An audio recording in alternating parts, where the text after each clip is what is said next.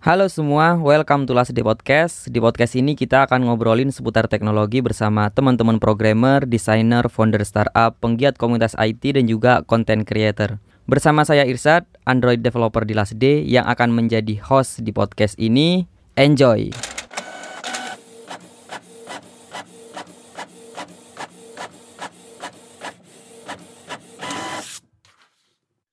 Halo semua, bersama Irsa di sini yang akan menjadi host di podcast From Home. Jadi kita masih sebelumnya kita sudah podcast bersama teman-teman dari komunitas Sidoarjo Dev yang pertama kali podcast From Home dan ini adalah podcast From Home yang kedua bersama mas-mas keren yang luar biasa.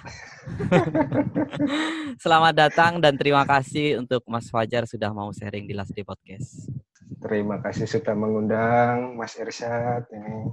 Ya, Sudah luar- mau meluangkan waktu untuk mengundang saya ini. Mas Fajar sekarang bagaimana pekerjaan dengan apa ya pandemi corona ini? Wah, ini apa ya? Momen-momen sulit ya. Karena apa ya? Kan gimana ya? Meskipun kita itu bisa work from home ya, meskipun Iya, iya, iya. sebagai software developer gitu ya. Tapi Hmm, kalau kita mau present ke klien atau kita mau Hmm. cari klien baru gitu jadi terkendala gitu karena Wih. ya biasanya kita kan kalau mau perlu presentasi perlu ya meyakinkan mereka untuk mau beli produknya kita atau mau pakai jasa kita gitu hmm, tapi dengan adanya pandemi yang seperti ini kan susah jadi kita ketemu klien juga susah klien Hmm. Cari untuk eh, omset sehari-harinya pun juga susah gitu hmm, jadi ya sangat berdampak kalau bisa dibilang berdampak sangat berdampak. gitu. hmm. Tapi Kelihatannya aja enggak, enggak terlalu gitu, tapi ya itu menurut saya sangat berdampak sih.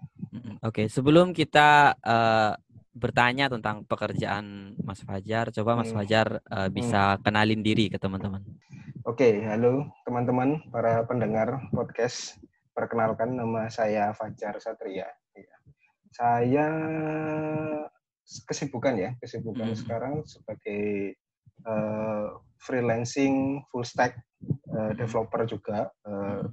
terus ya lagi merintis startup juga untuk eh, apa nama software development juga sama teman-teman juga di Surabaya. Luar biasa. Kemudian masih ngajar juga gitu. Wih.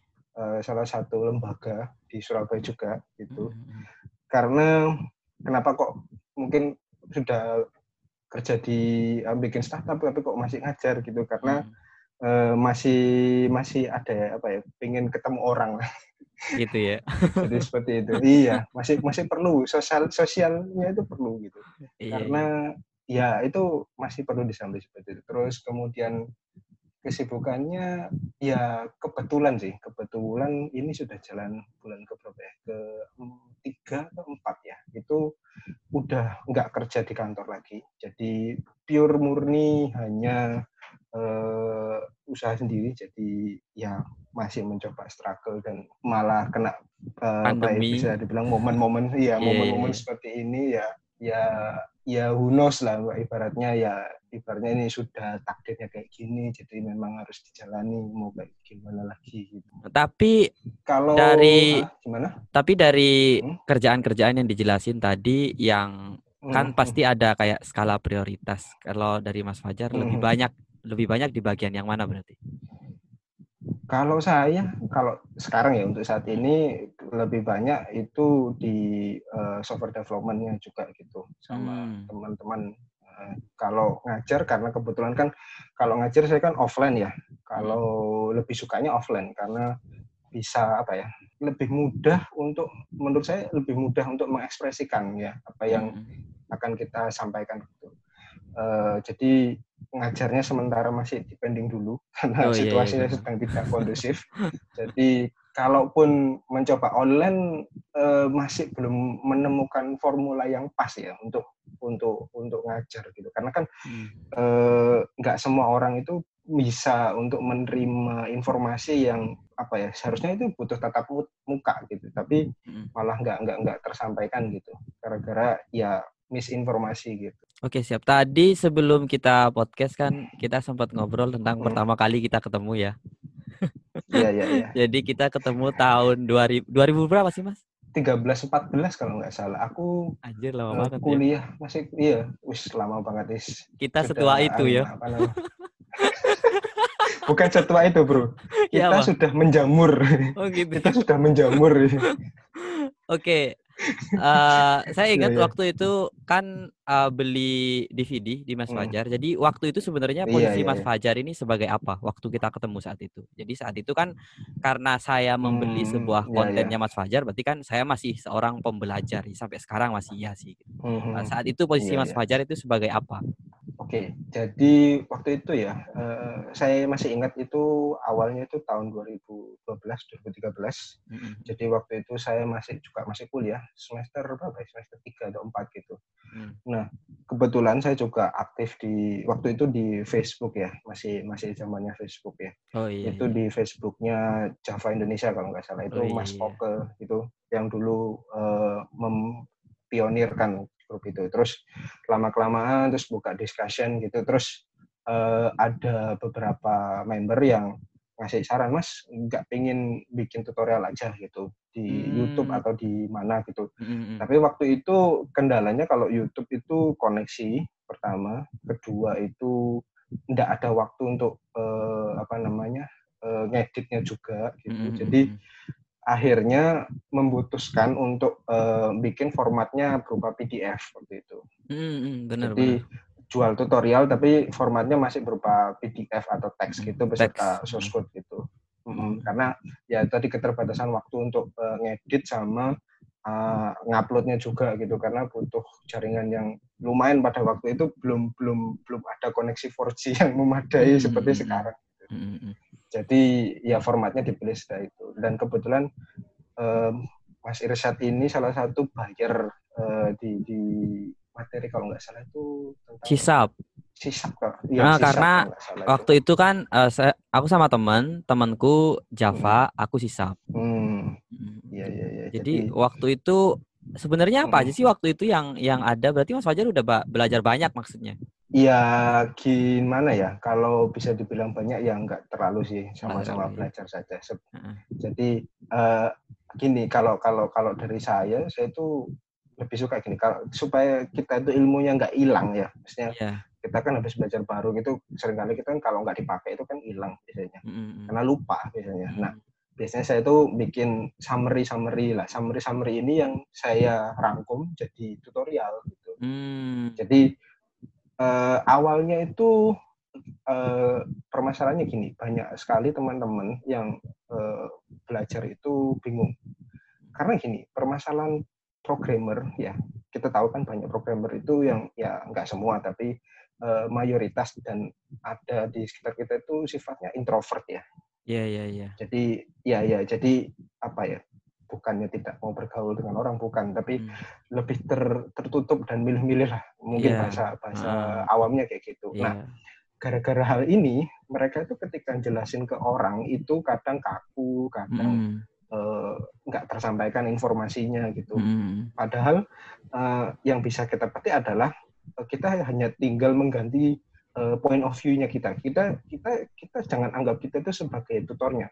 Jadi Mm. kita anggap kita itu sebagai pembaca atau yang melihat tutorialnya itu gitu. Karena Mm. kalau kita nggak rubah sudut pandang perspektifnya ke situ, ya kita akan mencoba dengan cara yang monoton ya gitu-gitu aja gitu. Nah, Mm. akhirnya setelah kayak gitu saya bikin summary yang bisa atau lebih lebih mudah lah dibaca sama orang yang mungkin baru belajar atau gimana gitu. Jadi saya Hmm. mencoba seperti itu. Ya memang berat karena kita harus kerja lebih ekstra untuk mencari eh, bahasa-bahasa atau kosakata-kosakata ataupun apa ya ilustrasi-ilustrasi yang lebih mudah dimengerti sama orang-orang seperti itu. Mm. Nah akhirnya dari situ eh, kita saya sendiri itu mulai ya mencoba untuk apa ya berbagi gitu waktu itu. Sebenarnya Hmm. waktu itu nggak niat jualan eh, tutorial, hanya hanya apa ya sebagai ngisi waktu luang aja. Waktu itu kan di lab ya di kampus itu kan Mm. eh, kalau lagi jam kosong gitu itu kan nganggur tuh daripada nggak ngapa-ngapain juga Mm. ya udah ngisi waktunya untuk bikin tutorial dari summary-summary yang udah dibikin waktu kuliah. Gitu Mm -mm. Kalau boleh tahu waktu itu masih semester berapa sih Mas? Waktu kita ketemu maksudnya, kalau dari Mas Fajar? Seingatku aku itu semester 4 ya kalau nggak salah ya. Oh, waktu itu kan sisap sama Java atau sebenarnya ada lagi? Mm -hmm. uh, ada lagi satu lagi PHP. Oh, ada lagi PHP. Oh, udah keren ya, sih, udah udah lama sih berarti ya. Dan sebenarnya sampai sekarang kan uh, aku hmm. juga ikut uh, pindah-pindah sih, pindah-pindah course, ikut course luar negeri dan hmm, hmm, hmm, dan masih apa ya, masih 50-50 lah, video dan teks. Jadi teks sampai sekarang sih masih worth it sih sebenarnya. Iya, iya. Uh, kalau dari Mas Fajar akhirnya dihenti proses uh, tidak lanjut lagi tentang menulis itu gimana ceritanya? Atau masih? Sebenarnya gini, Uh, masih, tapi oh, masih. nulisnya nggak dijual, tapi oh, iya, iya. nulisnya di Medium sekarang. Oke, udah kaya Jadi sekarang. masih nulis di Amin. Jadi uh, switching platform aja. Jadi kalau dulu kan hmm. nulisnya ya bikin PDF terus upload di blog gitu. Nah, sekarang lagi ngetren kan pakai Medium ya. Jadi hmm. uh, bikin artikel di sana, share di sana karena saya lihat kita nggak usah repot-repot cari audiens kalau di iya, Medium. Iya, Jadi kita uh. bikin artikel sebagus-bagusnya, nanti mm -hmm. uh, audiens itu akan datang-datang sendiri. Gitu. Mm -hmm, kalau kalau dari saya lihat itu seperti itu. Jadi fokusnya mulai diarahkan ke sana. Kalau untuk video, saya jujur jarang, hampir nggak pernah ya bikin tutorial video karena itu tadi saya nggak bisa ngeditnya dan nggak ada waktu untuk belajar ngeditnya juga gitu. Jadi gimana ya ya sebenarnya bisa uh, spend course untuk belajar ngedit tapi ya itu hmm. tadi waktunya itu sangat susah untuk sekali hmm. dikontrol jadi ya masih sebenarnya pengen bikin kayak tutorial kan banyak tuh di, di YouTube ya uh, hmm, itu YouTube. Uh, uh, para orang-orang itu yang bikin tutorial gitu terus para youtuber di di di di course-course juga di mana di linda.com atau di Udemy atau apa gitu ya seperti itu. Tapi medium masih eksklusif sih memang masih apa ya? Uh, ya, ya. Kalau di circleku itu masih orang-orang yang dalam tanda kutip sudah agak senior yang berani nulis di sana sih sekarang. Hmm, hmm, hmm, hmm iya sih apa ya? Mungkin sebenarnya kalau kita ngomong secara ke senioran dan enggak sebenarnya hmm. sih mungkin kalau di circle kita kita mungkin iya ya kelihatan. Hmm. Tapi hmm. kalau saya lihat di luar ya, baratnya kalau di teman-teman di luar negeri gitu, beberapa teman saya juga itu justru mereka menyemangati uh, junior-junior untuk nulis di sana gitu. Karena hmm. sebagai latihan juga bikin apa ya uh, dokumentasi yang bagus, hmm. bikin artikel yang menarik. Toh mereka bikin aplikasi kan nggak dibuat nggak sorry nggak dibuat untuk mereka sendiri kan mereka mm. nanti akan jual juga gitu nah mm. salah satu cara untuk mengat, uh, mengatasi atau membuat hal yang mereka bikin itu bisa dimengerti sama orang ya latihannya salah satunya bikin artikel yang bisa dibaca oleh banyak orang gitu meskipun ya kita tahu ada yang berbau teknikal gitu kalau misalnya ada yang membahas sesuatu yang berat-berat gitu seperti. Gitu. Nah tadi kan uh, Mas Fajar cerita bahwa sekarang posisinya hmm. lagi running agency sekitar tiga bulanan ya? Iya tiga bulan empat bulan. Nah, berarti sebelum itu di mana? Saya kutu loncat pak. saya ini terus terang kutu loncat ya. Uh, saya itu kan awal mulai kerja itu masih kuliah dulu itu tahun 2012 ya. Itu hmm. freelance juga. Terus hmm. full time itu mulai tahun 2014-15an itu mulai full time. Tapi itu enggak di Surabaya, itu di Jakarta kalau nggak salah. Hmm. Itu selama ya tiga tahun gitu. Terus balik lagi Surabaya, terus pindah lagi beberapa tempat. Kalau nggak salah sih sudah hmm, hampir enam kantor mungkin ya. Enam kantor ya. Jadi jadi sudah sudah apa ya sudah menjadi apa tren kutu loncat lah. Sudah... Tapi ada alasan, ada alasan, ada, alasan. ada alasannya sih. Secara kalau secara dari, garis besar uh, umumnya alasannya apa? Apa ya? E, kalau bisa dibilang begini ya. E, hmm. Ini ini saya ngomong e, pahitnya aja ya, Mas. Iya iya iya. iya Jadi di di di Indonesia ya, di Indonesia hmm. itu masih banyak ya company-company ya. Kita nggak usah ngomong startup ya, kayak Hmm. Gojek atau Grab gitu ya. yang notabene sudah sudah, Sudah apa ya, besar. bisa me- bukan besar sebenarnya. Nge-treatment software engineer itu tahu cara nge-treatmentnya. Oh iya iya iya iya. Ha-ha. Ya, ya, karena gini, eh, Mas Irsad digaji gede nih sama company, Mhm. tapi eh, treatment dari company itu nggak nggak nggak nggak enak gitu. Contoh ya, ini saya di- saya kasih Hmm, contoh yang real ya. hmm, hmm.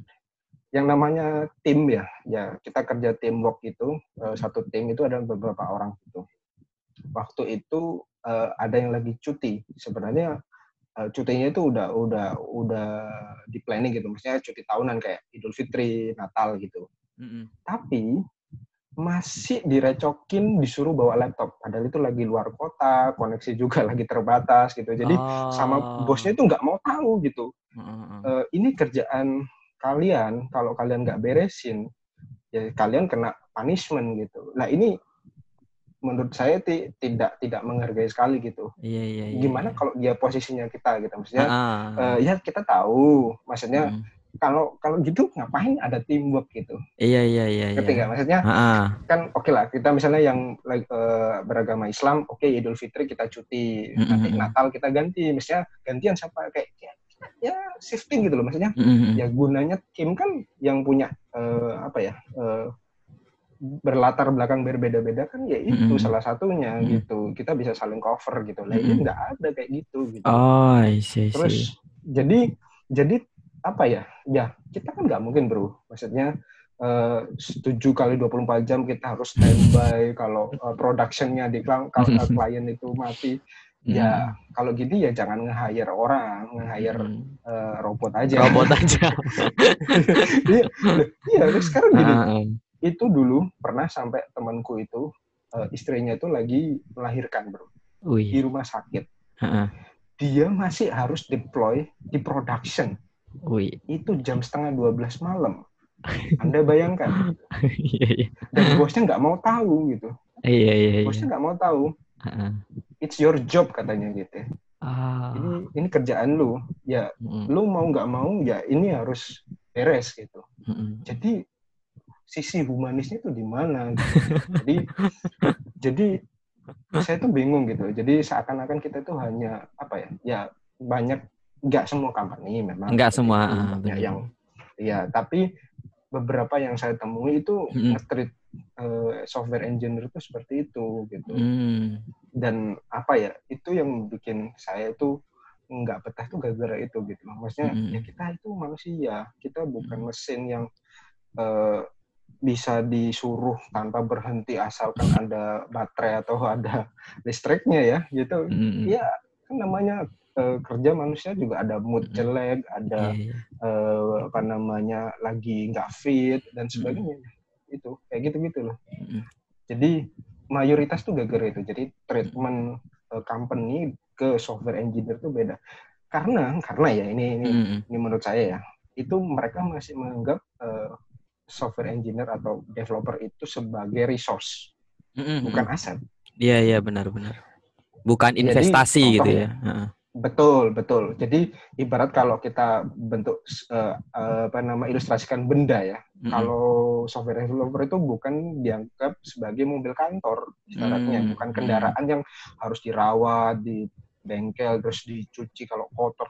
Gak ada Hmm. gitu kita masih dianggap sebagai resource. Kita itu dianggap sebagai apa? Kayak kertas dulu habis di mm. print dipakai dibuang udah Iya selesai iya iya iya iya. iya. ya ya kayak gitu mirip-mirip seperti itu ilustrasinya kayak gitu ya Iya, iya, benar, benar. secara nggak langsung gitu sih. Ah, iya iya jadi iya. itulah jadi masih masih masih sedikit menurut saya eh, ya ada company-company gede ya ya nggak harus gede juga sih ya. ada Mm-mm. yang bisa nge-treat lah mm. Software engineer itu Mm, dengan Cuman eh, sepenglihatan kita kan memang yang kecil lebih banyak gitu kan Mas ya. iya betul betul, betul, daripada yang betul. gede. Karena Ka- Kalau nyebutin Betul. unicorn ya ada, cuman kan ya ada berapa sih unicorn kan gitu ya. betul karena gini ya menurut saya ini bagian juga dari eh, perusahaan itu ber- bertumbuh ya Mm, mm, mm. karena semakin besar kan ya manajemennya semakin kompleks Mm, mm, mm. jadi akhirnya itu kurang apa ya suara-suara yang muncul itu kurang didengar gitu Ah, di sih. di di, di atas atas gitu akhirnya sering kali ketika misalnya ada kayak eh, pendapat dari bawah-bawah itu kurang akhirnya karena level yang harus didak itu tinggi sekali gitu. Misalnya Hmm. nih developer developer itu kan hanya staff biasa mungkin ya. Iya, iya, iya. Itu eh, auditnya atau mungkin saran-saran itu dikumpulkan dari level OB sampai direksi. Jadi kan jauh nih. Dan apa ya? Akhirnya ketika dikumpulin jadi satu, Mm-mm. itu suaranya jadi minor gitu kan belum Ah. tentu departemen yang lain itu keluhannya sama dengan yang dilakuin atau yang dialami sama eh, departemen eh, IT misalnya seperti Mm-mm. itu itu yang pertama Mm-mm. yang kedua orang di Indonesia itu mayoritas ya masih Mm-mm. menganggap IT itu semua equal atau sama gitu Mm-mm. nanti kalau anda ini lulusan eh, misalnya informatika gitu ya Mm-mm. dikira tahu tentang elektronika. ini klasik tapi menyedihkan. ya. Iya, iya, Ini iya. klasik. Jadi Ah, jadi saya pernah dulu di eh, waktu PKL atau magang ya itu ya. Mm-mm. Di- Literally disuruh benerin eh, ini monitor. Padahal kan Oh. ya nggak ngerti kita gitu bukan Mm-mm. anak apa elektronika gitu. Jadi itu sesuatu yang ada- memang happening Hmm. gitu ya, bukan jokes gitu, bukan ya? Bukan, bukan. Bukan, itu memang ya? real terjadi. Bukan, Oke, itu memang real nice. terjadi. Jadi jokes-jokes yang yang bisa dibilang jokes ya katakanlah Ah, ah. ketika kalian misalnya Mas Irsad misalnya punya pasangan gitu ya, bukan Hmm. punya eh, punya teman gitu, dia punya Hmm. pasangan. Mm-mm. Nah, temannya Mas Irsad ini eh, misalnya cemburuan orangnya. Mm-mm. Cemburuan ke pasangannya ini tadi. Dia tahu Mas Irsad ini kerja sebagai ya orang IT gitu lah. Mm-mm. Disuruh ngehack akun sosial medianya Nge-hack Facebook ya. ini. iya, nggak hanya Facebook, Instagram dulu. Instagram. Itu saya du- dulu pernah ngalami kayak gitu. Jadi ada teman saya itu waktu itu dia posisinya udah udah ya udah berkeluarga gitu. Dia Mm. cemburuan sama suaminya gitu. Oh, Katanya iya, dia iya. ada ada suaminya tuh di, sering di DM Instagram sama ya sama Iya, lah iya. gitu. ah, ah, ah. minta saya untuk bisa nggak ngehackin Instagramnya Iya, ini iya. gitu. Tak tolong dukun IT ya. Nah, dikira itu equal gitu loh. Jadi Iya, iya, iya. ya mas itu masih terjadi itu masih terjadi gitu. Oke, tadi Ya. kan lumayan panjang nih kan dari 2014 Hmm. terus 2019 Hmm. akhirnya apa yang apa sih yang mendasari akhirnya ya udah nih saatnya untuk bikin sesuatu sendiri. Nah, itu akhirnya lahirnya dari mana? Mhm, mhm. Jadi eh, pengen startup sendiri tuh ini awalnya bukan pure atau murni kesadaran dari diri saya. Mm-mm. Jadi waktu itu eh, saya tuh pernah konsultasi ke psikolog gitu ya. Ya bukan konsultasi iya, iya, yang iya. anu ya, tapi cuman ya cuman sharing Sharing, sharing. gitu. Ah, Oke, oke, siap. Iya sama eh, teman-teman yang eh, di psikolog gitu. Mm-mm. Nah, saya nggak ngerti eh, apa ya eh, ini apakah sebuah takdir atau gimana saya juga nggak ngerti. Tapi waktu itu saya tuh kayak tes kepribadian gitu loh. Oh, sih. Jadi di tes kepribadian itu Mm-mm. eh, somehow eh, ada beberapa poin gitu. Ya kan psikotes itu kan banyak tuh, ada yang banyak-banyak hal gitu. dan itu bisa Mm. mencerminkan diri kita gitu. Ke kepribadian. Nah. waktu betul betul karena gini saya baru tahu ya ya ini eh, dari teman saya itu bahwasannya ada orang itu yang memang dari lahir wataknya dan eh, sampai dia kapan pun itu tetap jadi pegawai itu ada Mm-mm. ada jadi bukan bisa dibilang dia tuh sama sekali tidak ada jiwa leadership tuh enggak ada Ada yang Hmm, seperti itu. ada, ada. Hmm. iya dan itu tahu nggak salah satu caranya ngelihat itu dari mana Oh, dari dari. tanda tangan gitu Ah. tanda tangan itu sudah kelihatan gitu. Kata Iya, teman iya. saya itu Ah, kalau ah. tanda tangannya seperti ini itu orang itu punya sifat kayak gini dan ini itu orang kayak gini itu nggak nggak punya jiwa leadership gitu. Mm-mm. Jadi dia selamanya akan jadi pegawai gitu. Mm-mm. Tapi ada juga orang yang misalnya dia eh, punya tanda tangan terus punya karakteristik ketika gambar itu seperti ini. Dia itu malah justru nggak cocok gitu jadi pegawai. Dia itu cocoknya jadi eh, usaha sendiri, buka usaha sendiri. Istilahnya tidak bergantung dengan orang gitu lah. Mm-mm. Nah, saya yang kedua ini gitu. Yang Nah, kedua. ini saya tuh ya, saya tuh sempat denial ya, sempat sempat kayak nggak nggak eh, nggak nggak percaya sama omongan itu. Cuman Mm-mm. Itu kan sudah akhirnya setelah saya jalani pindah kantor itu mungkin kantor kedua atau ketiga gitu. Hmm, berarti ini kejadiannya lumayan lama maksudnya. Udah udah lumayan oh, lama. Oh iya iya iya. Ketika saya konsultasi lagi dengan hmm. orang yang berbeda, itu benar hasilnya seperti itu. Hmm. Hasilnya seperti itu. Jadi hmm. uh, memang memang ya apa ya? Mungkin ya udah mungkin pembawaan atau pribadi itu memang hmm. menentukan seperti itu. Iya iya iya. Uh, ada tipikal gini kan ya tadi saya sempat ngomong itu programmer itu ada yang kebanyakan ya enggak mm. dan enggak mayoritas tapi uh, itu ada yang sifatnya itu bisa switching gitu loh. Iya iya iya. Maksudnya gini, uh, kebanyakan orang tahu kan programmer tuh orangnya pendiam, mm -mm. introvert, mm -mm. suka menyendiri. Mm -mm. Kalau di cafe itu suka sendirian sambil loading gitu ya. jadi kan jadi kan stigma negatifnya kan kayak gitu tuh. Oh iya iya. Itu bisa dibilang bukan orang yang seperti itu gitu. Mm -hmm. Nah, saya tuh waktu di tes itu jenisnya tuh ambivert. Ambivert. Jadi dibilang ekstrovert tuh enggak bukan ekstrovert, dibilang mm. introvert banget enggak. Jadi ada di tengah-tengah gitu. Mm. Jadi tergantung mood dan situasi kondisi itu bisa condong ke kiri, bisa condong ke kanan. Oh iya iya. Atau bipolar, bipolar. Hmm, bisa, bisa. Soalnya gini, uh, saya saya saya akui jadi waktu itu uh, ini kejadian pernah kerja di kantor yang lama itu mm-hmm. Nah saya itu kan pernah satu tim sama beberapa teman-teman mm-hmm. nah itu proyeknya itu kayak udah hancur gitu loh jadi saya masuk itu udah udah udah wis uh, berantakan gitu jadi mm-hmm. saya masuk di jurang darah ibaratnya ya udah udah udah udah mm-hmm. apa ya medan perang yang sudah sangat terbengkalai gitu, gitu. Iya, iya, iya. nah di situ saya berdarah-darah sama teman-teman gitu hmm. dan akhirnya nge-build ya ngedeliver project ini menjadi lebih apa ya lebih better lah sebenarnya hmm. gitu dan hmm. ya somehow diapresiasi gitu hmm. sama beberapa uh, uh, orang gitu. Nah dari situ pas uh, itu ada sedikit konflik ya saya sama beberapa rekan itu dan akhirnya saya resign gitu. Oh sih aneh anehnya bukan nggak tahu ya ini aneh atau enggak teman-temanku yang satu tim resign semua setelah saya resign. Oh iya iya. jadi jadi kesannya saya itu kayak menghasut gitu loh. Padahal enggak gitu. Uh. Saya saya berani bersumpah saya itu nggak nggak pernah me mengajak anak-anak ini untuk resign gitu. Tidak tok tidak toksik gitu ya. tidak toksik. iya, iya. Memang saya waktu itu ketika masih aktif di sana itu sering kayak bikin forum gitu loh. Oh, Jadi kan kalau di kantor itu kan program kan pada diem-diem gitu. Mm. Saya itu ya iseng lah bawa Uno lah, bawa mainan apa lah di situ, mm. bikin bikin liga pes lah di situ. Jadi saya tuh benci kehinengan yang sangat terlalu lama gitu loh. Yeah, Jadi yeah, yeah. ini gimana ya? Yang biar nggak bosan tuh gimana? Oh yang ini oh bikin liga pes ini kan sering uh, apa nama kan ada anak yang bawa PC tuh di kantor tuh. Mm. Jadi daripada dia kan PC-nya kan daripada nganggur atau sering kali cuma buat ngoding aja gitu kan ada eh, nggak uh, nggak full time juga dia ngoding udah punya PC ngodingnya pakai laptop juga di bawah di kantor. Jadi nganggur PC-nya ini.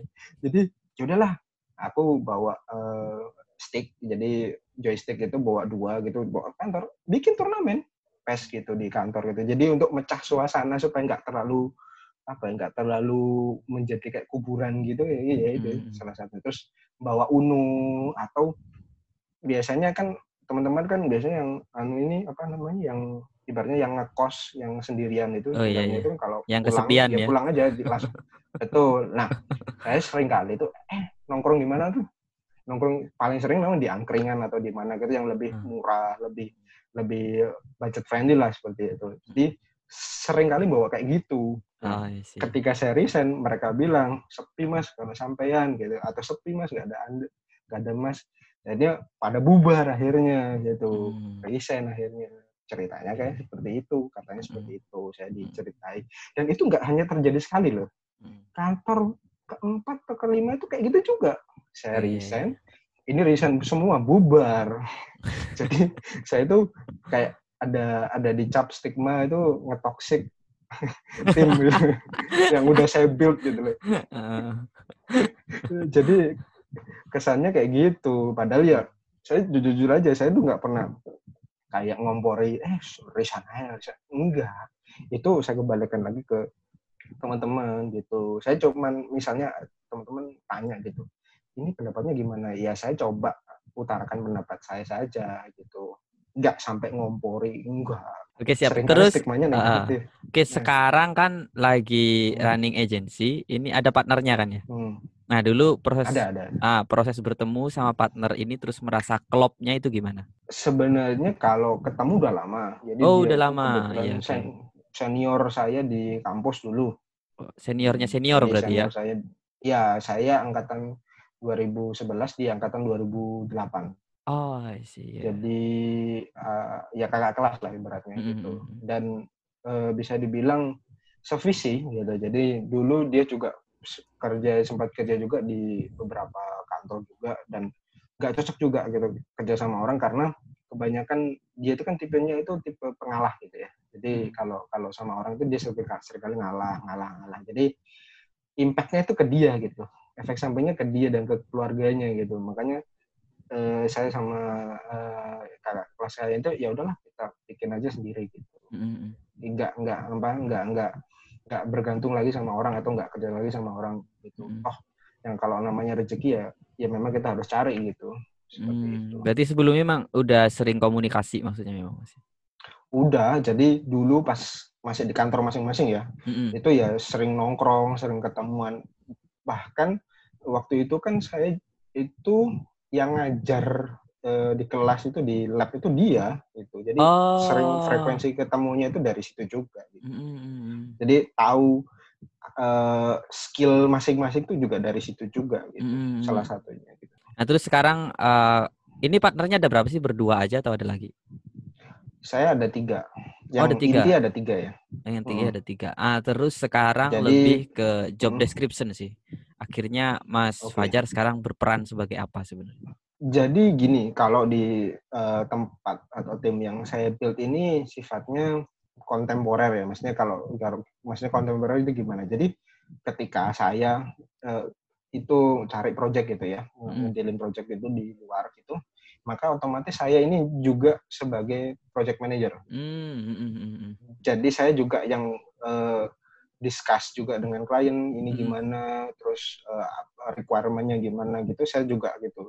Nah, Mm. ketika teman saya ini yang lain ini ngedilin, ya dia yang jadi project manager gitu. Jadi Hmm. biar ada saling eh, apa ya, nggak gontok-gontokan rebutan. Iya iya iya iya. eh, siapa yang ngelit, siapa yang ngelit, ini Ah, gimana, ini Ah, gimana. flek- Jadi fleksibel gitu baginya kayak mesinnya. betul, betul gitu. Ah. Karena kalau cuman monoton satu orang aja yang yang jadi leader, ini nanti Mm-mm. dominan takutnya malah nanti ada yang nggak suka atau saling sikut-sikutan kan di situ Mm-mm. gitu. Jadi Mm-mm. menghindari hal itu Mm, ya kita coba rolling seperti ini gitu dan mm, sudah disepakati juga seperti itu mm. dan akhirnya malah membuat masing-masing tim ini juga saling me- bahu-membahukan ada tuh tipikal orang yang cuman diam nunggu iya. proyekan, Nunggu nunggu nunggu, nunggu gitu. perintah gitu ya.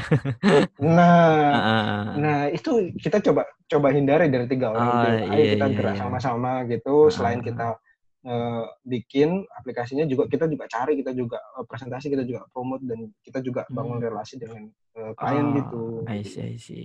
Kemarin ceritanya nggak gini sih kan kita pernah ngebahas ini, cuman ceritanya nggak gini sih kayak. Jadi baru baru tahu mungkin, juga. Mungkin mungkin konsepnya baru keluar sekarang kayaknya. Oh gitu, Baru- baru iya. terlihat Oh iya benar-benar. ya. Kan sambil ma- masih Iya. baru jalan. Oke, benar-benar. Betul, betul. Nah, betul. kalau boleh tahu sekarang Mas Fajar masih ngoding nggak sih? Oh masih dong. Masih ya? Masih, masih, masih. Kalau Masih, tadi masih. ngomongin ngajar, ngomongin ngajar, Hmm. ngajar apa berarti? Kalau ngajar kebanyakan sih eh, full stack ya. Oh, full stack. di web, iya web sama mobile, Hmm. Android ya, banyak Hmm. Android sama web. Ya sama desain sih, tapi nggak nggak terlalu sih, hanya ya hanya ringan-ringan aja karena saya eh, juga sudah lama nggak geluti desain gitu. Iya, ke- sesuai kebutuhan aplikasi mungkin gitu ya. Betul, betul. Ya mungkin untuk nge- nge-support kalau misalnya kita mm, mau bikin mock-up atau Ah, UI ah, gitu ah. seperti itu. Iya, iya, Seperti itu. benar-benar. Lebih ke arah sana. Ah, Untuk present. Dan kalau di tempat yang sekarang, kalau masih masih Hmm. ngoding juga berarti. Masih, masih. Oke, Masih, kalau masih kalau ngoding. Jadi- boleh cerita stacknya Hmm. pakai apa sih? Tools-nya atau gimana? Toolsnya, bahasa pemrogramannya. Kalau tools, ya karena saya itu eh, kan dari kan ini ada tiga orang ya yang tadi ya. Oh iya Nah, benar benar. Sebenarnya dari tiga orang ini, nah ini punya sebenarnya kalau ngomong tim Ah, kan ada Kesamaan. ada ada main role-nya. Ya, Oh ada iya main iya. role-nya. ah, ah. Kalau saya kebanyakan di web, Oh. Sama eh, middleware. Mm, Teman saya yang satu ini mobile, Oh gitu. entah itu iOS, entah itu Android. Oke Nah, oke. teman saya yang satu lagi itu sistem analisnya. Oh, I see, I Jadi see. Dia yang eh, bikin eh, rancangannya seperti itu. Mm, Jadi kebagi ke tiga. Jadi karena kebetulan saya itu web mm, dan kebanyakan juga ngurusi back end juga, mm, mm. sebenarnya ya nyambi full stack juga. Jadi ya mayoritas ya tools-toolsnya umum lah kayak VS Code, Mm, mm. Atom gitu-gitu. Mm-mm. Cuman sekarang lagi lagi lagi favorit dia pakai VS Code sih. Gitu. Yes, code. Terus Oke. kalau bahasa, Mm, mm, mm. kalau bahasa sebenarnya jujur saya kembalikan lagi ke scaling projectnya ya, karena Mm. kan ada orang tuh kan yang ya ya ibaratnya apa ya kayak kayak eh, fanboy ya fanboy istilahnya ya Iya, iya, iya. fanboy bahasa pemrograman tertentu gitu wah saya harus pakai PHP misalnya Oh, saya pakai Java saya Ya, garis keras Saya gitu ya. gitu gitu iya saya nggak nggak kayak gitu gitu Iya, orangnya. iya. ah. karena kalau kayak gitu malah akan menghambat eh, proses requirement-nya Hmm, dan proses problem solving mungkin. betul Karena betul. terlalu Karena kan- fokus ke ya, teknologi. Ah. betul betul karena kan masing-masing bahasa ini punya plus minus sendiri-sendiri ya Hmm, hmm, dan Benar-benar. environment-nya juga beda-beda jadi Hmm. Eh, misalnya kan katakanlah untuk aplikasi A misalnya, ya Mm-mm. ini kan nggak cocok pakai bahasa ini, cocoknya pakai bahasa ini. Jadi Hmm, hmm. bisa diatur scalable gitu. Cuman Hmm. memang ya tadi kita kembalikan kan biasanya tuh ada tuh eh, project tuh yang sifatnya memang kita maintain terus. Hmm, hmm, Jadi hmm. sampai kapan pun dia kita maintain terus, jadi beli Hmm, service hmm. juga untuk itu. Yes. Ada yang sistemnya beli putus. Ah. kalau beli putus kita kita itu biasanya itu sering kali harus nego sama IT klien atau IT support di kliennya itu sendiri gitu. jadi kita harus adjusting di situ Hmm, hmm, hmm, hmm. kan kita nggak mungkin tuh misalnya kita Hmm. misalnya ya eh, Mas Irsad ini eh, eh, biasanya sukanya pakai eh, Golang misalnya Mm-mm. untuk backend ya nah Hmm. ketika di klien customer-nya nggak bisa itu supportnya pakai Golang biasanya pakai PHP Ah, ah. Nah, sampean kan harus berkompromi untuk hal-hal kayak gini. Karena apa? Iya, karena iya, iya. nanti bagian kerjanya sampean, sampean juga harus ngedeliver ini ke IT klien karena sistemnya Hmm. beli putus, nggak beli jasa ke sampean. Hmm, hmm, hmm, hmm. Jadi hal-hal yang kayak gini yang coba untuk di tackle gitu. Hmm, hmm, hmm. Ya mungkin sih kalau ke depannya ya, kalau ke depannya ada sistem kayak bikin produk yang uh, mature gitu, mungkin Hmm, iya. Tapi kalau mungkin, sistem ah, kita benar, masih kayak uh, juga uh, sistemnya masih jasa custom kayak gini, Hmm. itu susah untuk untuk kayak gitu. Bisa kita harus uh, apa ya fanboy satu bahasa pemrograman nggak bisa. Hmm. Menurut saya sih nggak bisa. Hmm, Benar-benar. Nah, ini kalau boleh mundur lagi, Mas Fajar sendiri belajar codingnya mulai kapan sih? Kalau belajar coding, jujur ya pas waktu kuliah. Waktu itu tahun 2011 saya itu. Hmm, Jadi di kuliah itu saya ambil sistem formasi ya. Sistem hmm, formasi terus eh, belajarnya ya belajarnya dari situ. Jadi eh, dari kampus kemudian tanya ke ya senior-senior, tanya ke kalau komunitas iya ikut tapi kalau komunitas kan biasanya itu kan banyak yang suka bikin kopdar ya, meet up Hmm. gitu-gitu ya. Itu kayak Nah, baru sekarang-sekarang sih kayak. Oh iya ya. Nah, kalau masih Soalnya- tahun itu kayak belum kayaknya. Hmm, Iya, jadi sekarang kan masih ngetren dulu waktu itu kan memang suwe itu kan sudah ada kalau nggak salah ya. Oh, iya, masih suwe di aja kayaknya. Iya, ah, ah, ah. dan itu eh, apa namanya kan kalau kumpul-kumpul kan kebiasaan kan saya kan masih masih baru masih jadi masih minder-minder gitu loh. Jadi waktu itu belum belum belum mengarah ke sana. Jadi lebih banyak ke eh, apa namanya komunitas yang online gitu kayak Nah, Facebook, Jadi kan di eh, Reddit gitu. nah kayaknya kita ketemu di grup Facebook deh kayaknya. Dulunya maksudnya bener ya? betul betul. Ah, Karena betul. Mas- salah sih. Eh, Mas Fajar ini admin bukan sih? Iya sempat jadi admin, jadi sempat Oh, sempat. beberapa bulan lah. Oh, Sempat sempat sempat. oh sempat. iya, iya di Java Indonesia. Sem- Iya di Facebooknya Java Indonesia itu. itu. Ah. Karena waktu itu kan admin, eh, sorry founder grupnya itu kan Mas Oki itu lagi sibuk tuh, kalau nggak salah itu lagi sibuk. Oh, Eh, terus jadi eh, nggak ada yang bisa nge- ngelola waktu itu yang kan waktu itu juga masih lagi sering banget sering um, grupnya masih aktif sekali gitu. Hmm. Jadi belum Emang sekarang nggak aktif, Mas? Kayak sekarang. Sekarang teman-teman bikinnya di Telegram kebanyakan. Oh, iya iya iya. Mau pada pada migrasi ke sana ke Telegram Iya iya karena iya iya. Eh, yang pakai Facebook juga kebanyakan eh, pindah platform gitu karena kalau Facebook itu kan kalau sekarang itu kebanyakan yang pakai itu boomer ya istilahnya ya. generasi milenial itu sudah nggak mau pakai Facebook gitu TikTok Jadi, ya. teman-teman ya jadi jadi mau nggak mau harus eh, cari platform yang lebih fiturnya lebih oke gitu. Yang paling saya eh, dulu sampai sekarang masih ikut ya Reddit di Reddit, tapi itu Hmm. skalanya internasional sih gitu. Jadi Hmm. kebanyakan sih hanya jadi silent reader ya dan Hmm. melihat topik-topik yang menarik dibahas di sana itu apa. gitu. Oke, tadi eh, Mas Fajar lumayan. Tadi kan udah bilang eh, sering pindah-pindah kerjaan, sering pindah-pindah Yes. kerjaan, terus akhirnya sekarang mungkin running company sendiri. Ini pertanyaan saya boleh dijawab, boleh Mhm. enggak? Mungkin eh, kalau boleh tanya, kisaran akhirnya gaji seorang software engineer yang selama pengalamannya Mas Fajar, mungkin bukan secara gajinya Hmm. Mas Fajar sendiri, akhirnya sebenarnya ada di angka Mhm. berapa sih sekarang? Kita nggak ngebahas unicorn ya, kita ngebahas yang bukan Mhm. unicorn maksudnya. Oke, eh, sebelumnya saya tanya dulu lebih jelas nih. Mhm. Ini umum Umum. atau spesifik nih? Maksudnya kan kan spesifik itu maksudnya per bagian eh, pekerjaan itu punya punya range salary yang beda-beda ya. Oh iya kan iya iya iya. Saya takutnya ada miskonsep. Maksudnya gini, misalnya Iya, kalau iya. kita ngomong perusahaan yang bukan software development ya, maksudnya dia sebagai perusahaan end user ya, make Oh. programnya aja nggak bikin, Ah, ah, ah, ah. itu range gajinya pasti beda sama yang memang software development company. Oh iya iya Karena- kita kita mungkin Hmm, lebih ke jadi- software dev software development mungkin. Oke, oke. yang, Jadi yang yang umum kalau- aja sih, yang gambaran lah mungkin. Oke, jadi gini, kalau menurut sepengetahuan saya, Mm, mm, mm. Kalau dulu ya, ini saya nggak tahu ini apakah nilainya Sekarang sudah berubah. naik jauh Ah. atau gimana. Iya, Iya, karena kan dulu fresh grade awal kan saya kan 2014, 2015 ya, Hmm. sudah berapa? 5-6 tahun yang lalu ya. Mm, mm. Jadi mungkin sudah mengikutinya itu sudah agak lama gitu. Tapi masih bisa saya estimasi sih kalau menurut saya ya. Kalau kita ngomong fresh grade ya. Mm, mm. Kalau kita ngomong fresh grade, sekarang UMK Surabaya itu kalau nggak salah ada di sekitar 3, koma berapa gitu ya. 38 atau ya? 3, Iya 38 Iya, sih. 38 kalau nggak salah. Nah, saya ingat saya dulu itu, saya tuh kerja itu UMK masih 3,2 atau 3,3 saya lupa itu. Mm. Dan itu biasanya company kalau anaknya ini fresh grade, itu ditambah satu juta biasanya Mm, dari gajinya eh, UMK ini. Oke. Kalau anaknya masih fresh grade ya. Ah, ah. Dan itu eh, apa namanya? Bisa naik eh, gajinya ketika itu gaji bisa naik ketika masa probationnya sudah selesai.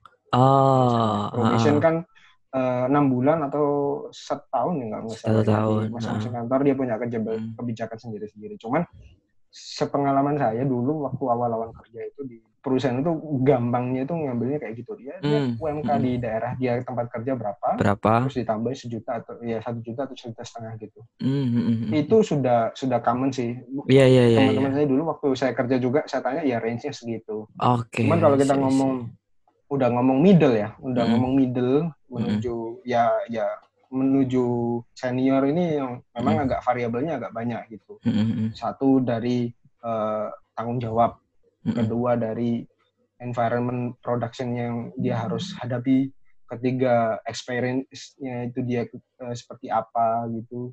Itu Mm. juga variabel-variabel yang menentukan. Jadi agak memang agak susah gitu. Mm, Cuman kalau ditanya apakah medium sekelas medium ya, maksudnya se-middle programmer itu, Mm, software engineer itu, apakah bisa dapat gaji dua digit? Sangat bisa, mm. sangat bisa, sangat bisa, sangat bisa. Jadi eh, untuk teman-teman yang misalnya ya, ya kita kan nggak mau munafik ya, misalnya Mm, mm. ya semua orang kerja ya cari uang gitu. Mm, Cuman mm. eh, range kayak gitu, apakah pertanyaannya kan apakah bisa dua digit? Bisa, bisa. Kalau Mm, teman-teman misalnya eh, aim-nya atau mengarahnya ke daerah-daerah yang kota-kota yang sudah gede ya Hmm. kayak Jakarta, Iya iya iya iya. Bandung gitu tuh pasti bisa, sangat bisa sekali. Wong saya tuh masih ingat dulu eh, teman saya waktu sempat ngajak saya interview juga waktu itu di tahun 2016 atau 17 ya, Mm. kalau salah gitu. Mm, Ke Jakarta berarti? Iya, Jakarta itu Oke, siap. dia untuk untuk junior ya, ini junior ya, kita Mm-mm. ngomong junior. Itu Mm-mm. dia startnya dari 9 sampai 11. Hmm, I see, see. Junior. Oke, siap. Yang bayangkan aja kalau kalau junior aja segitu berarti kan middle-nya pasti di atas itu. Hmm, Pasti kepala dua pun bisa, bisa aja gitu. Dan itu itu bersih ya, itu nggak dipotong Mm. apa pun ya. Itu eh, bisa bisa bisa apa namanya? diambil semua kan biasanya kan ada yang dipotong eh, BPJS dulu, ada Oh iya benar. asuransi. A, B, C. Enggak, itu bersih, itu bersih. Iya, semua. iya. Jadi ya ya ya seperti itu. Ah, ah. Jadi Bu- enggak enggak enggak bisa di enggak bisa dihitung pasti sih karena Mm-mm. karena variabelnya banyak. Mm, itu. Tapi mungkin tadi range untuk startnya masih masuk akal gitu lah ya. Iya masih Mm-mm. masih segitu ya. Kalau kita kita ngomong junior ya, junior, Hmm, fresh junior, grade junior. ya, fresh grade ya. ah. Hmm, hmm. Fresh grade atau mungkin dia baru kerja setahun lah, setahun dua Mm-mm. tahun lah gitu. Masih bisa segitu lah. Oke, dengan eh, mungkin bisa dibilang role model eh role model apa namanya? job description yang sekarang lebih fleksibel untuk Mas Fajar gitu kan. Next Yes. plan-nya mau belajar apa sih? Next plan yang lagi pengen dipelajari sekarang itu lebih ke mana berarti? Pertanyaan menarik dan sedang saya usahakan juga gitu. Mm, Jadi saya tuh dulu tuh pengen dari dulu itu ya Iya. punya eh, kanal eh, entah itu YouTube entah itu apa ya. Jadi Hmm. bikin konten.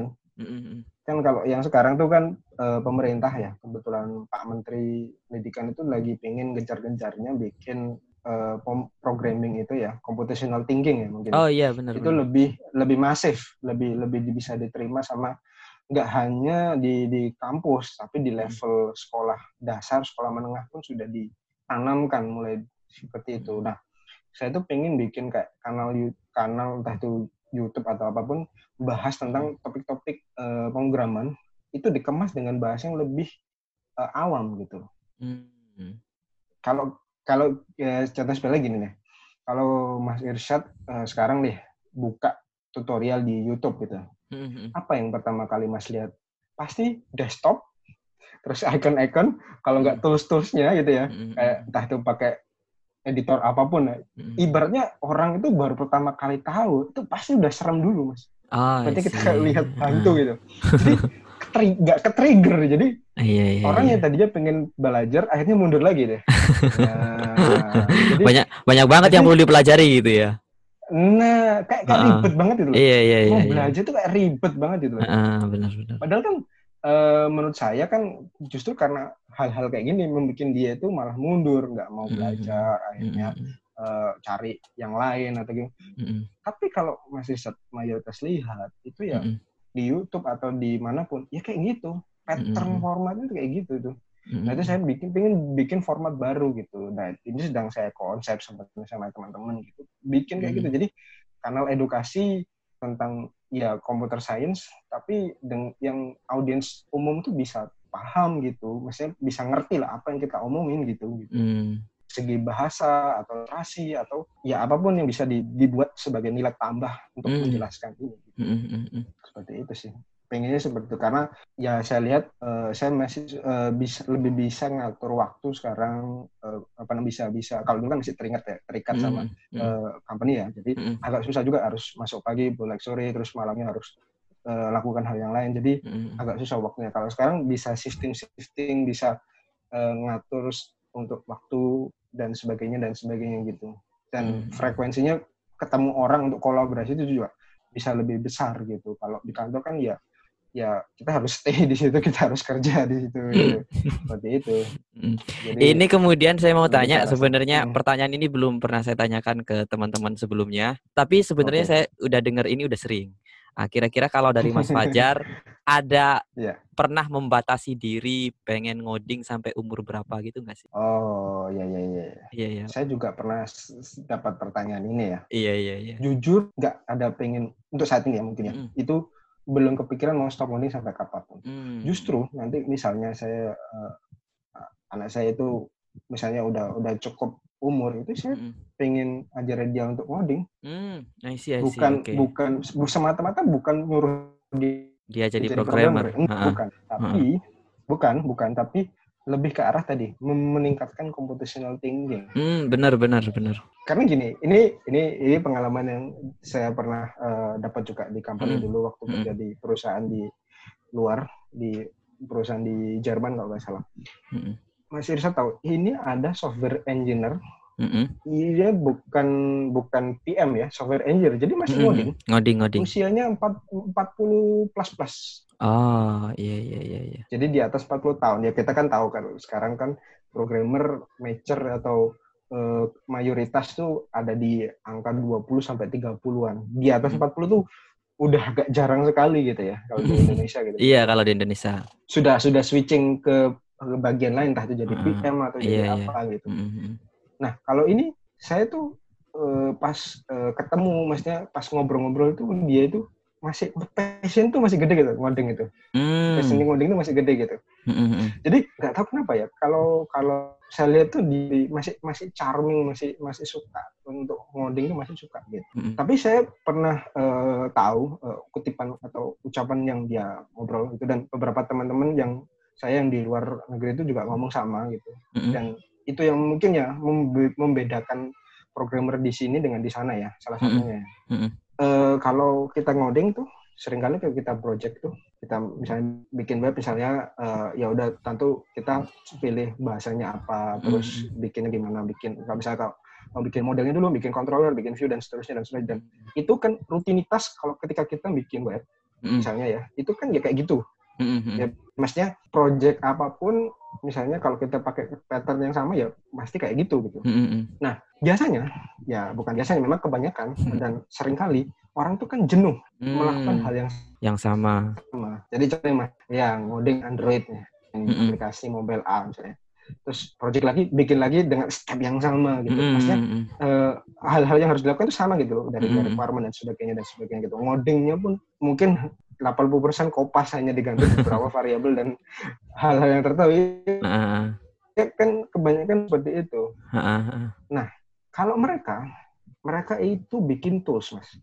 Ah. Maksudnya gini, uh, katakanlah kalau kita ngoding ya, misalnya hmm. kita kalau ngoding bikin uh, CRUD ya, CRUD hmm. ya, yaitu hmm. CRUD web itu kita kan bikin dulu modelnya, bikin controller, terus baru bikin. Untuk keratnya ya tinggal klik, klik, klik jadi udah. Hmm. Klik, klik, klik jadi udah. Jadi yeah, yeah, mereka nggak yeah. nggak bosen gitu. Akhirnya mereka bisa ngelakuin hal yang lain. Uh, uh, Jadi mereka tuh ngoding ngodingnya tuh challenge-nya tuh di situ. Jadi mereka membuat tools untuk membantu pekerjaan mereka biar jadi hmm. akhirnya nggak bosen karena kebanyakan ya yang hmm. saya temui itu kenapa kok ganti karir? Karena bosen melakukan hmm. hal yang sama. Hmm. Kenapa mereka nggak berpikiran untuk menciptakan tools untuk memudahkan pekerjaannya mereka sendiri? Hmm. Ya memang, ya memang itu perlu effort ya. Hmm. Benar-benar. Kan kita kan, ya kan cuma gini-gini aja, misalnya ngoding cuma gini-gini aja, kita harus bikin kayak gini kayak gini kan memang susah. Tapi hmm.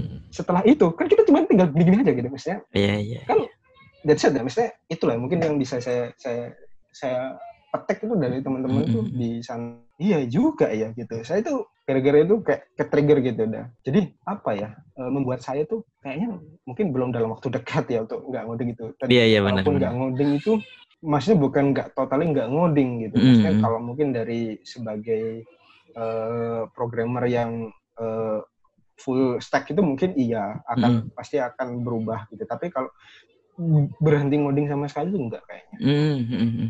Oke, okay, nice, hmm. nice. Uh, ini referensi untuk teman-teman yang lagi dipakai sama Mas hmm. Fajar ada nggak sih referensi belajar? Uh, apa ya? Ini ngomongin konten kreatornya atau ngonten ngom ngomongin kontennya sendiri atau ngomong di channelnya mungkin iya benar sih uh, konten kreatornya mungkin kalau channel saya jujur ya nggak ada nggak ada mania tertentu gitu. Saya oh, juga, juga random aja ngetek di search uh, di Google itu untuk ngetek gitu.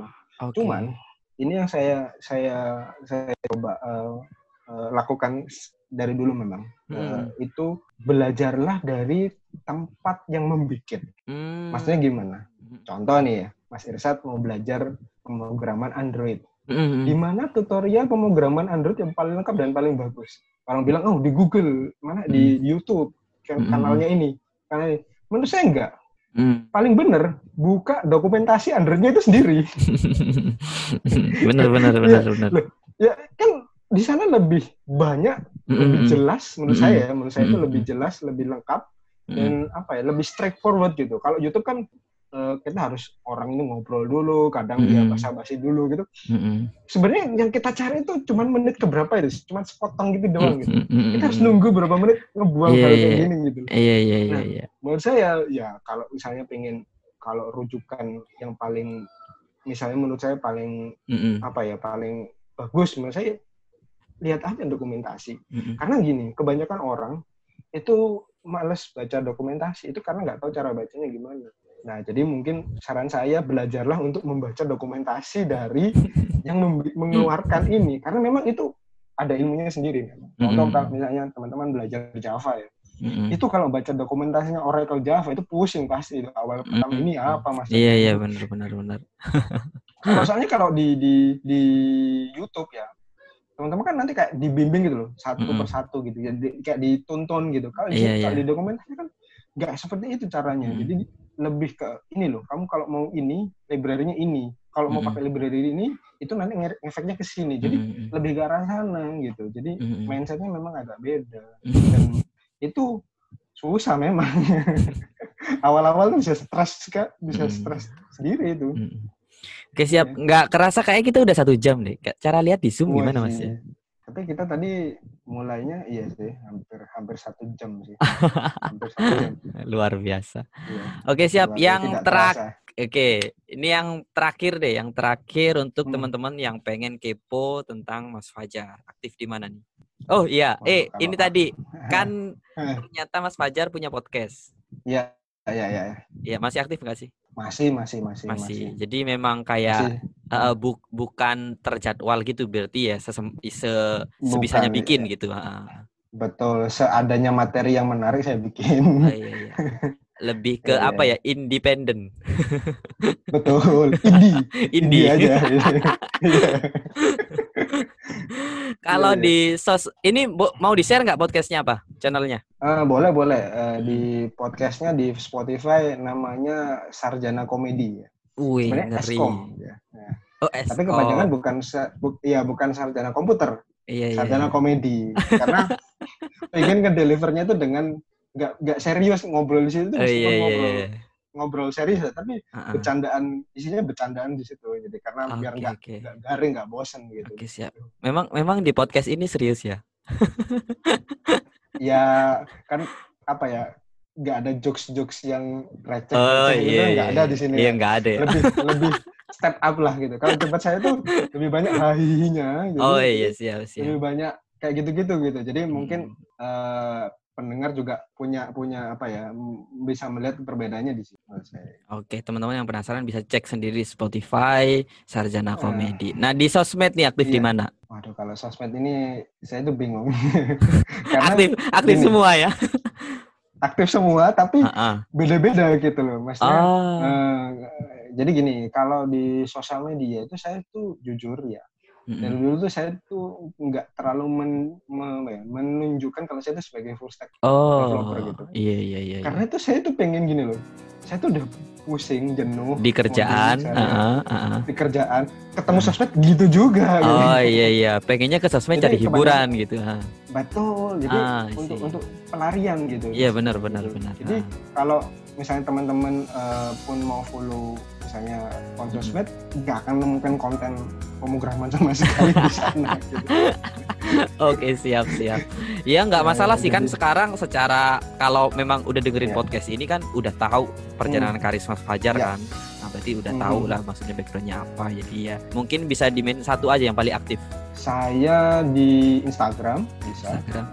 itu In- ya itu eh, at Fajar Satria 2710 itu nama eh, akunnya gitu. Oke Fajar satu Jadi- sepuluh. Tapi jadi apa namanya? Tapi ya tadi saya sudah bilang tidak tidak ada konten IT-nya sama sekali karena jujur saya itu ya tadi ngomong nggak mau terlalu nge-share yang kayak gini di tempat yang sosial media gitu. Karena pengennya beda gitu, Hmm. pengen pengen ambience-nya beda. Yes, yes, yes. I see, I see. Saya punya beberapa sih orang yang seperti itu dan tidak masalah sih. Apalagi dia sering foto Hmm. pemandangan, foto pantai itu lebih seru sih kayak. Nah, itu kan sudah bosan nih lihat yang Ah. hitam background hitam tulisan kecil-kecil warna-warni gitu aduh kok bosan ya ya udah lihat pemandangan dulu lihat pohon-pohonan dulu lah gitu. Oke, thank you banget nih buat Mas Fajar sudah Ya, mau sama-sama. meluangkan waktu dan sharing di Nasi Podcast. Luar Ya, biasa ya pengalamannya ya. sama-sama